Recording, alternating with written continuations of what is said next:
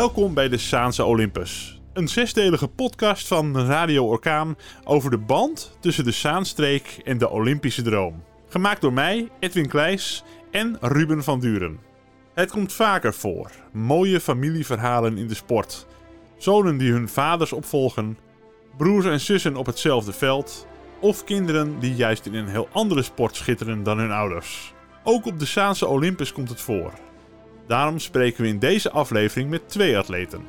We waren welkom in de tuin bij Teun Buis. Hij volleybalde namens Nederland op de Spelen van 88 in Seoul. En tegenwoordig speelt dochter Anne Buis voor de Nederlandse vrouwenploeg. Daarmee trad ze in 2016 aan in Rio de Janeiro. Een gesprek onder een zomerzonnetje. Over de Spelen van vroeger en die van vandaag de dag. We zijn terechtgekomen bij een echte volleybalfamilie. Teun, hoe heb je dat zo eh, voor elkaar gekregen dat, dat de hele familie nu, uh, nu volleybalt of heeft gevolleybald? Heeft het altijd in het bloed gezeten?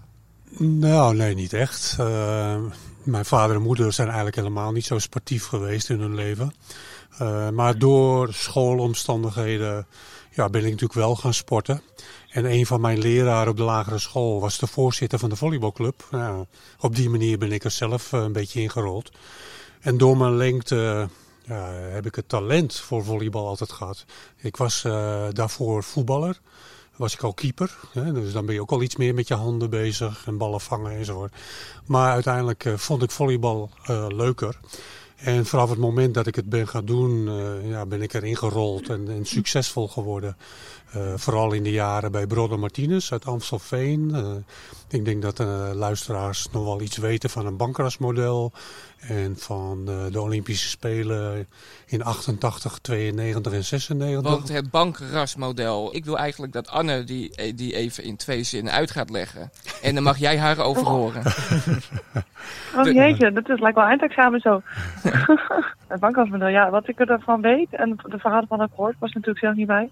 Dat uh, een groep Nederlandse mannen die wilden gewoon, uh, die wilden gewoon veel beter naar de wereldtop. Die hebben besloten met z'n allen keihard uh, te gaan trainen onder leiding van, van Arie Zelinger. En ja, gewoon een heleboel uren maken samen. In de, in de bankras natuurlijk, in de bankrashal.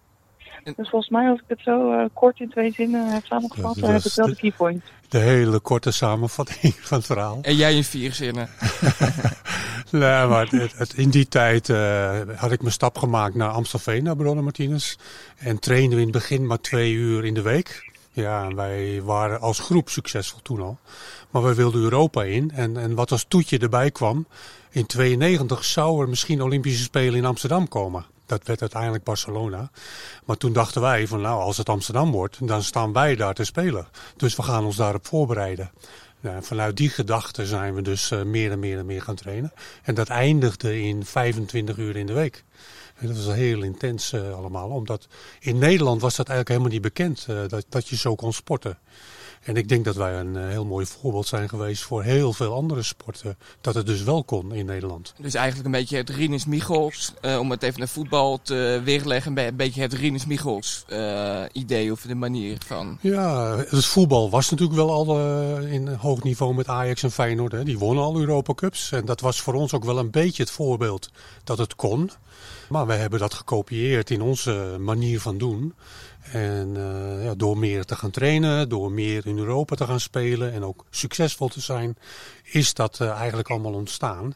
Alleen, ja, wij waren een beetje de pioniers. En de groep na ons, met Peter Blanchet, Ron Zwerver, uh, die hebben het succes eruit gehaald.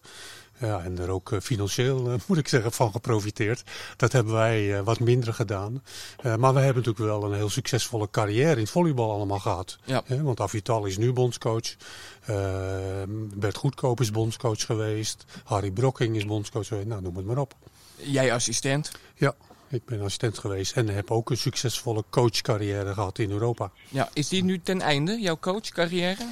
Dat zou kunnen zijn, ja. Ik ben inmiddels over de 60 uh, en, en, ook thuisfront. Uh, mijn vrouw uh, die ja, begint Uh, nou, protesteren is een groot woord, maar ze heeft toch liever dat ik nu wat meer thuis blijf. En niet meer zes maanden op rij, zeven maanden op rij in een buitenland vertoef. Waarbij ik alleen met de kerst af en toe nog een weekje thuis kom. Ja. En dan alleen maar ja, onderweg ben in Europa. En, ja, en, en ik moet zeggen, ook voor mezelf, het gatje niet in de koude kleren zitten. Hè, om constant onder de stress te leven van een team begeleiden wedstrijden moeten winnen. Uh, de stress van sponsoren en clubbesturen. Ja, daar moet je mee kunnen dealen. Dat, dat geeft veel druk met zich mee. Ja, ja. ja absoluut. Ja. ja ik wil nog, uh, want Anne, had jij, had jij het gevoel dat jij een keuze had in, in, in het uh, volleybal vroeger? Of ben je er ook net zoals je vader ingerold, omdat je vader natuurlijk succesvol was? En, heb, jij, heb, heb, heb jij altijd uh, uit jezelf gaan volleyballen of ben je er gewoon mee, mee naartoe gesleept? Um, nou, ik heb zeker wel een keuze gehad. Ik ben wel als, uh, als klein kindje, als babytje al mee naar de sporthal. Omdat vader een wedstrijd had en moeder en broer die speelde ook volleybal. Dus ik ben wel heel vroeg met volleybal in, in aanraking gekomen. Maar ik heb vroeger zelf geturnd. Ik heb nog een aantal jaar zelfs tennis uh, ook wel op, op oké niveau. Met de regio training mocht ik meedoen en zo. Maar uiteindelijk vond ik volleybal toch, toch leuker in teamverband. En ja, het ging gewoon thuis ook wel over volleybal. Maar ze hebben me nooit gedwongen in de auto gezet. Nou ga je naar volleybaltraining, want anders vinden wij het niet leuk als ouders. Wat ja. is ehm, het verschil als jullie kijken naar het volleybal van de jaren 70 en 80 en het volleybal van vandaag de dag? Zitten daar verschillen in? Zijn er ontwikkelingen geweest? Vraag ik eerst even een teun. Ja, zeker. maar het grappige is, toen wij met dat Martinez verhaal uh, begonnen in het bankersmodel, keken wij uh, heel vaak naar Japans en Koreaans volleybal. En daar speelden ze multitempo. Dat wil zeggen dat alle aanvallers spelen alle posities. En soms als midden en soms als buiten. En het ging allemaal kriskras door elkaar heen. En wij vonden dat eigenlijk ontzettend leuk om, uh, om, om dat soort volleybal ook te spelen. We waren er in de beginperiode ook best wel succesvol mee. Uh, omdat we in Nederland ja, zoveel meer uren trainen dan de anderen. Dat andere teams konden ons niet bijhouden. Maar ook in Europa speelden we in Bulgarije bijvoorbeeld tegen Levski Spartak Sofia. En voor het eerst lukte het een Nederlands team om van een Bulgaars team te winnen. En door te komen in de Europa Cup finale. Alleen een jaar later speelden we weer tegen datzelfde team en verloren we 3-0. ja, zonder ook maar een kans te hebben tegen dat team. En toen hebben we in één week tijd uh, ons volleybal helemaal aangepast. Zijn we anders gaan volleyballen. En dat heette toen powervolleybal. Kan dat in één week? Nou, het is gelukt, hè, want we wonnen thuis met 3-0.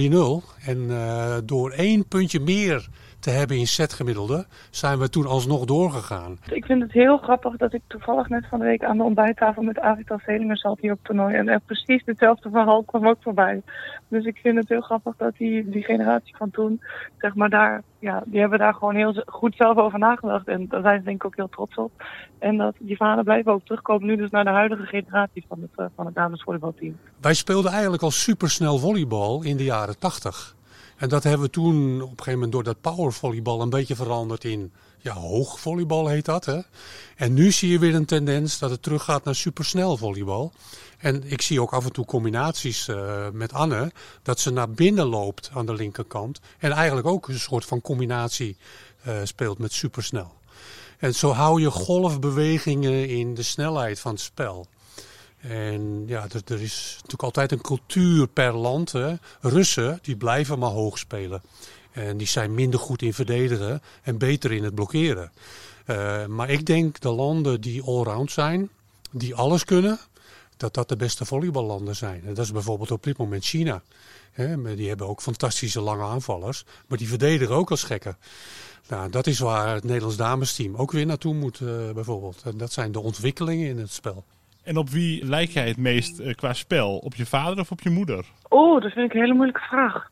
Want ik heb ze eigenlijk uh, natuurlijk nooit echt zien spelen. Toen zij, uh, toen zij hun carrière af, af was en kinderen krijgen. Toen, mm -hmm. ja, maar ik, ik, ik, als ik het zo moet inschatten, denk ik toch wel dat ik een combinatie van de twee ben. Tony was altijd een goede paser en goed geconcentreerd. En, ehm, en natuurlijk als middenblokkeerder ook ja, erg effectief. En Irene iets, iets meer met de creativiteit en, en dat soort dingen. Dus als ik het zo inschat, zou ik zeggen een combinatie. Maar misschien kan, kan Tony een beter antwoord op geven. Ja, ik, ik denk dat Anne het voordeel heeft dat ze van twee kanten de informatie krijgt over het volleybalspel. En mijn verhaal zal meer over concentratie gaan, over techniek gaan. Terwijl Irene de kant veel meer gaat over hoe je een blok uh, moet verslaan met slimme balletjes en zo. Dus dat, dat helpt haar. Uh, ja, even voor de luisteraars, uh, je vrouw heeft ook op hoog niveau gevolleybald. Hè? Dus dat, Irene heeft ook ja. 122 interlands gespeeld in het Nederlands team. ja, door familieomstandigheden is ze wat eerder afgehaakt in, het, in het spelen van volleybal. ze raakte zwanger van ons eerste kind en ja, toen hield het eigenlijk een beetje op voor haar. Want een echte volleybalfamilie, gaat het nou bijna altijd over volleybal? Bijvoorbeeld op verjaardagen en zo? Of...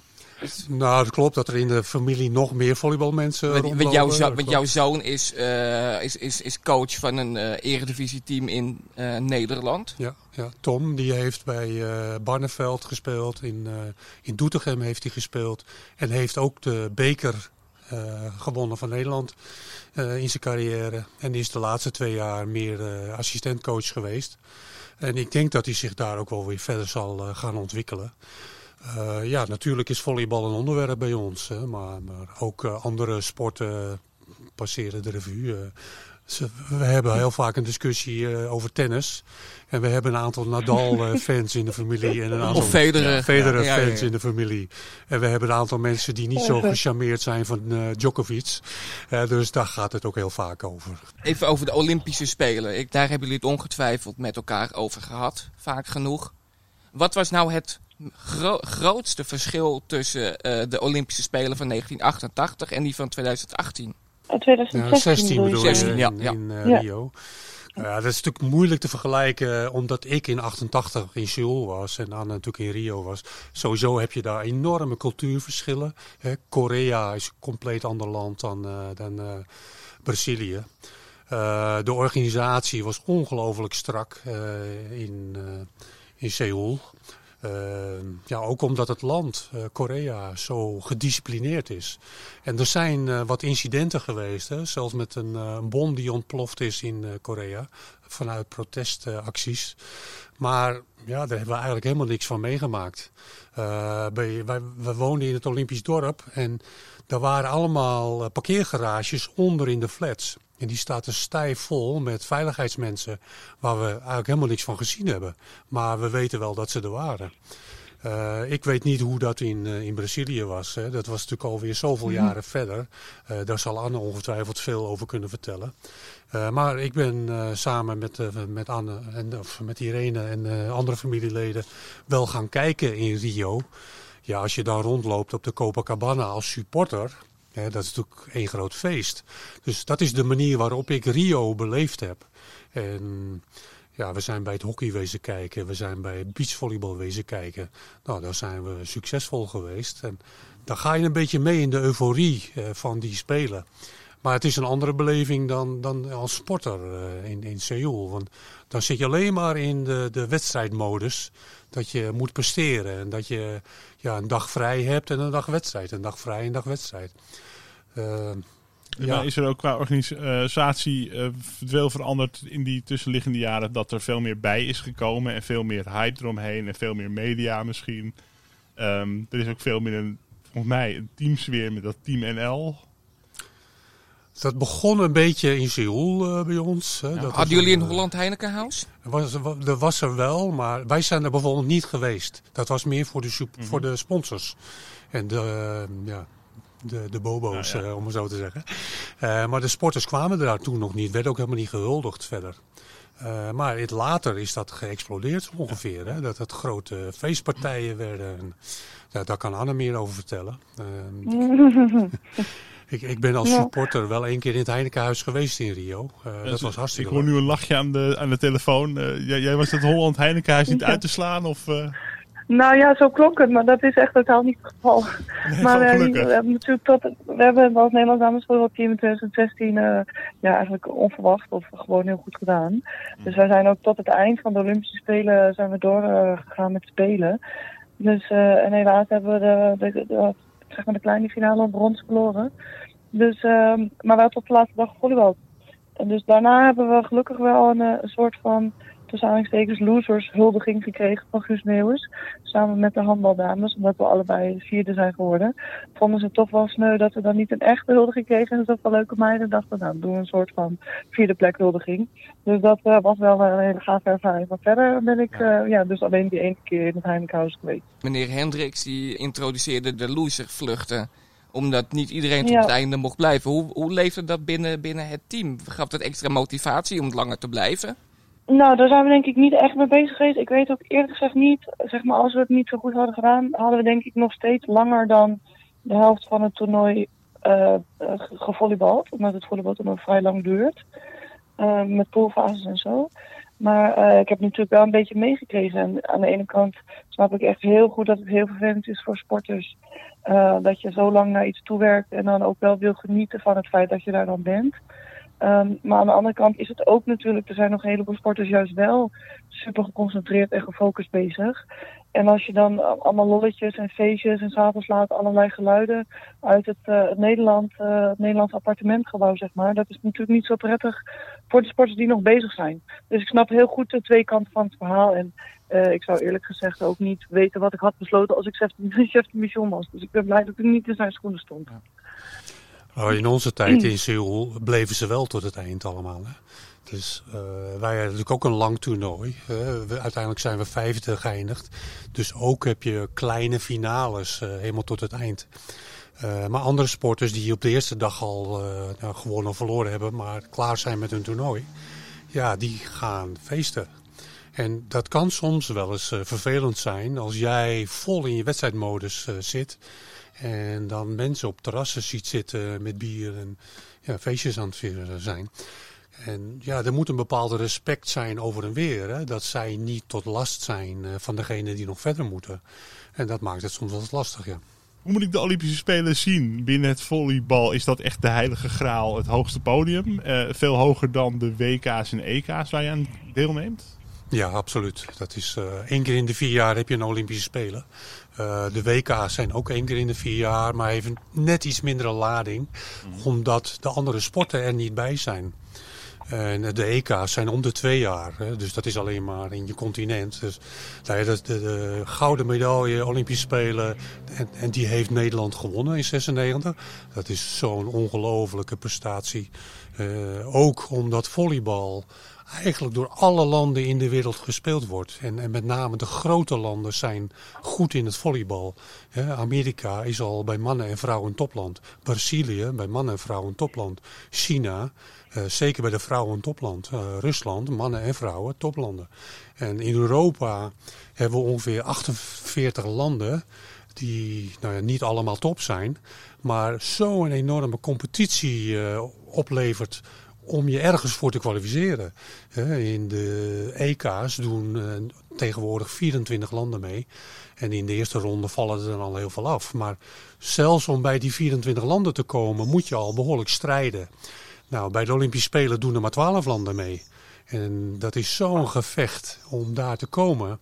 En voor een klein landje als Nederland, hè, met 17 miljoen inwoners en met 100.000 volleyballende leden, dat is een ongelofelijke prestatie. Als je dat vergelijkt met China, Amerika en andere Ja, we hebben in Nederland wel de lengte mee natuurlijk. We zijn allemaal vrij lang. ja, dat, dat zijn de karaktertrekken. Ja. Hè? Dus de lengte, de intelligentie, eh, het sociale aspect om in een team te werken, eh, het samenwerken.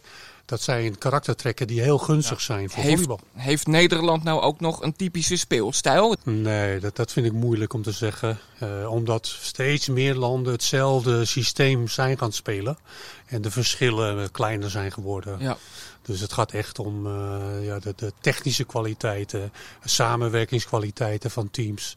Ja, en de mentaliteit om tot het gaatje te willen gaan. En, eh, nou ja, dat hebben we in het verleden bewezen dat we het kunnen. En ik denk dat we dat nog steeds kunnen. Dan even naar, de, naar het gevoel, de, de, de, de, ervaring. Voor het eerst op de Olympische Spelen aankomen in het Olympisch dorp. En dan naar het stadion gaan. Dan kun je ons meenemen in die dag dat je de bus uitstapt en voor de allereerste keer het Olympisch Stadion inloopt en dan voelt, ik ben er echt. Ja. Hoe, hoe, hoe is dat? Hoe is dat moment? Ja, dat was, dat natuurlijk fantastisch. Hè. We hadden helemaal niet gerekend dat we ons zouden kwalificeren voor de Olympische Spelen in 88. Omdat het doel was Barcelona geworden. Maar we kwalificeerden ons in januari eh, in 88 wel. Omdat we van China wonnen, van België wonnen en, en nog een paar landen. En ja, dan zit je zo een ongelofelijke euforie dat je naar Seoul mag. Dat je naar de Olympische Spelen was, mag. En eh, dat was zo'n enorme beloning voor ons als oudere groep. Ehm, ja, en als je dan in Seoul aankomt, dan ga je alles verkennen. Dan wil je eigenlijk op dag één al alles beleven. Hè. We zijn het Olympisch Park ingewandeld, waar drie of vier stadions zijn. Het zwemstadion was daar. Eh, de eh, beachvolleyballers die hadden toen demonstratiesport, die waren daar. Eh, wielrenstadion was er. Ja, we zijn daar binnen gewandeld. Ja, en dan voel je je zo geweldig. En dan voel je de tintelingen en de energie voel je in je lijf komen. Dat was zo'n boost eh, ja, om te mogen gaan spelen. Wij hadden de openingsdag eh, hadden we nog vrij. Maar de dag daarna moesten we onze wedstrijd gaan spelen. Dus we zijn helaas niet bij de opening eh, geweest. Maar ja, we hebben dat op de tv eh, mee mogen maken. Maar De, de vlagparade is dat. ja, precies. En, en eh, ja, die week daarvoor, hoor, want we waren een week eerder eh, in het Olympisch Stadion, of eh, Olympisch dorp. Daar zie je langzaamaan al die sporters eh, van landen zie je binnenkomen. Ja, en dan zie je Steffi Graaf zie je opeens lopen. Die was toen een topsporter. Die, en die was ook echt in het dorp.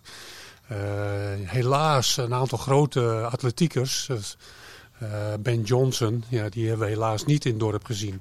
Maar dat was natuurlijk ook een, eh, een topper op dat moment. En de, Carl Lewis eh, die strijdt om wie de 100 meter zou gaan winnen. Maar Carl Lewis en Ben Johnson waren dus niet in het Olympisch dorp. Hadden die dan een vijfsterrenhotel in een nabijgelegen gebied? Ja, dat achteraf hoorden we dat zij zich afzonderde in een hotel. Ik weet niet welk hotel dat geweest is hoor. Dat, maar ja, dat is natuurlijk eh, het verhaal van de Olympische Spelen van 88. Dat het wereldrecord werd verbroken door Ben Johnson. Alleen dat hij een dag later eh, op doping eh, is betrapt. En dat Carl Lewis daarna de, de gouden medaille kreeg.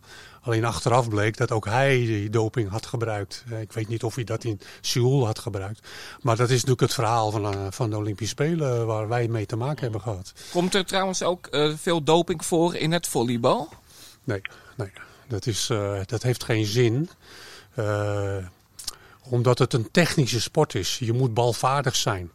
En er zijn wel eens eh perikelen geweest. maar dat zijn mensen die voor verkoudheid iets genomen hadden wat niet toegestaan was. En Ja. die zijn dan wel direct geschorst natuurlijk. Anne, ik ben heel erg benieuwd. Kijk, dit was natuurlijk een fantastische omschrijving van die eerste ervaring aankomen bij de Olympische Spelen. Ja, hoe was jouw eerste ervaring om daar aan te komen, dat dorp te zien, dat Olympisch Stadion? Wat, wat ging er door je heen? Is dan de klassieke sportvraag. Ja, nou eigenlijk een beetje de vergelijkbare termen die, eh, die mijn vader gebruikte.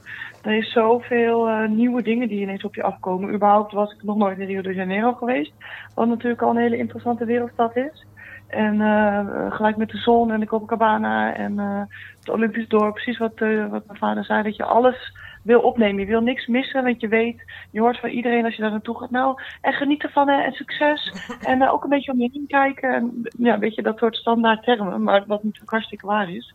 Dus je wil gelijk eh, ja, alles, alles openzetten om alles, alles mee te maken. En je wil niks missen. En inderdaad ook ehm de collega-sporters die natuurlijk normaal eh, van andere sporten nooit tegenkomt. Dus ik als Nadal-fan is ook op de foto geweest met Rafa Nadal. Dus dat was ook een, eh, een groot euforisch moment van mijn Olympische Spelen. En eh, ja, het volleybalstadion ehm Maracanazinho heet het. Naast het grote Maracana voetbalstadion.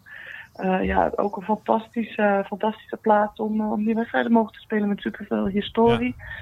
Was gewoon, denk ik, de eerste paar dagen alleen maar aan het stralen en aan, om me heen aan het kijken. En ik heb ook wel geprobeerd wat foto's te nemen om dat allemaal vast te leggen. En die, eh, die, die momenten, die herinneringen. Dus eh, ja, iets wat ik nooit ga vergeten, denk ik, in mijn leven. Heb jij, heb jij de vlaggenparade wel meegemaakt? Nee, wij mochten ook niet. Dat is uh, regel bij het NOC-NSF. Als je binnen 48 uur van de openingsceremonie je eerste competitie hebt, dan, dan mag je niet meelopen. Dus uh, ja, dat duurt ook zo lang, zeg maar, voor die sporters. Die, uh, die staan uren en uren op, op hun voeten om te wachten tot ja. specifieke land naar binnen mag. Dus dat is wel, dat is wel jammer. Maar ik heb het ook um, op de tv meegekeken. En ik ben wel bij de sluitingsceremonie geweest. En dat was ook wel een hele mooie ervaring. Dus uh, die heb ik uh, wel in mijn zak mogen ja. steken. Voelt het minder erg dat je dit toernooi er niet bij bent? Dat als je een keer niet uh, kwalificeert, dat je dan maar dit jaar vanwege de beperkingen? Mm, een heel, hele kleine ja op. Want ik vind het nog steeds heel erg dat we ons niet Dat snap ik, was echt topsporter Ik denk dat het er echt in had gezeten. Maar uh, ja, als niet, dan misschien nu niet. Maar ja, dan ja. nog had ik wel gewoon heel, heel, heel graag wel mee willen doen. Ja, dan uh, even uh, naar de voorspellingen. Welke landen gaan dit jaar hoge ogen gooien in het volleybal op de Olympische Spelen? Volgens jullie. Ik begin even bij, bij Anne. bij de vrouwen? Ja, bij, bij, de mannen en bij de vrouwen, Anne. Uh, ik kan natuurlijk bij de vrouwen beter inschatten. Dan zou ik zeggen dat uh, sowieso China, die gaat uh, in de buurt komen weer van een tweede gouden medaille. En ja, ik denk Brazilië en Italië, dat die ook nog steeds goede kans maken. En Amerika niet te vergeten. En bij de mannen kan ik het eigenlijk wat minder goed inschatten. Maar ja, Brazilië is altijd heel sterk. Uh, ook Amerika, maar ook de Europese mannen, de Polen, die hebben de, denk ik de beste volleyballer ter wereld, uh, Leon. Dus uh, ja, genoeg teams die kans maken denk ik bij de mannen. Sluit je daarbij aan? Ja, dat rijtje is ongeveer hetzelfde. Frankrijk vind ik nog steeds fantastisch mooi volleybal spelen. Die zijn erg goed in de verdediging, waardoor ze heel veel flow in het team krijgen.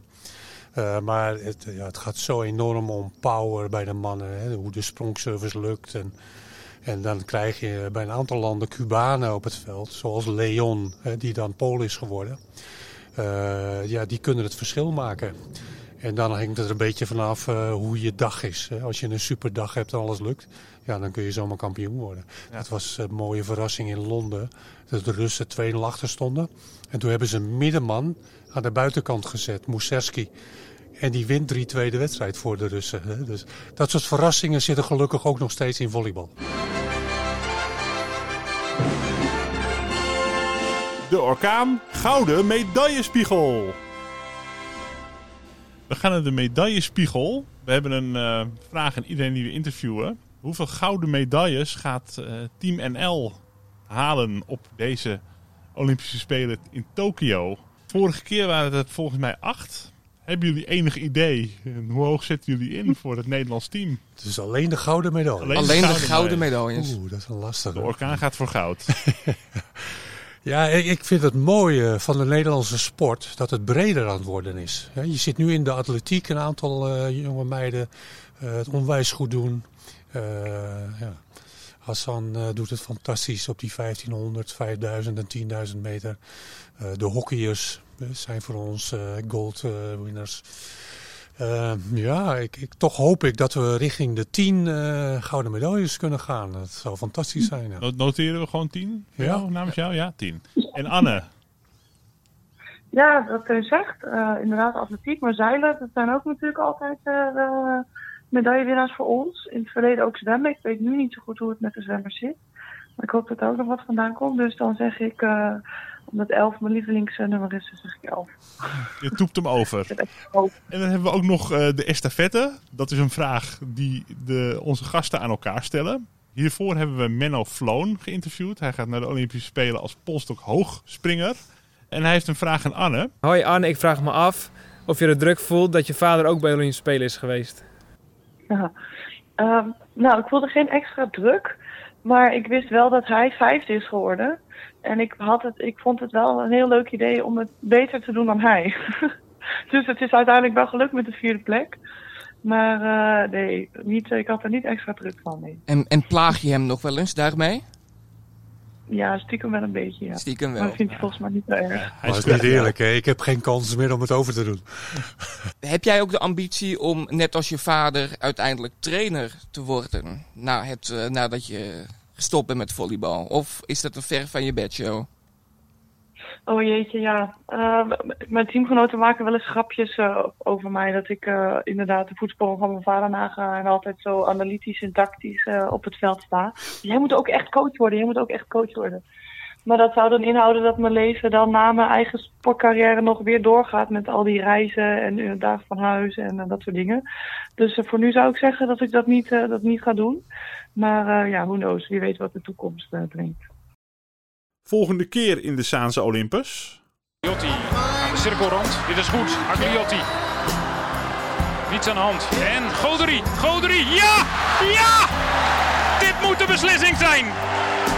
Dit moet de beslissing zijn. De in Zaandijk geboren Minke Boy over de gouden hockeygeneratie waar zij toe behoorde.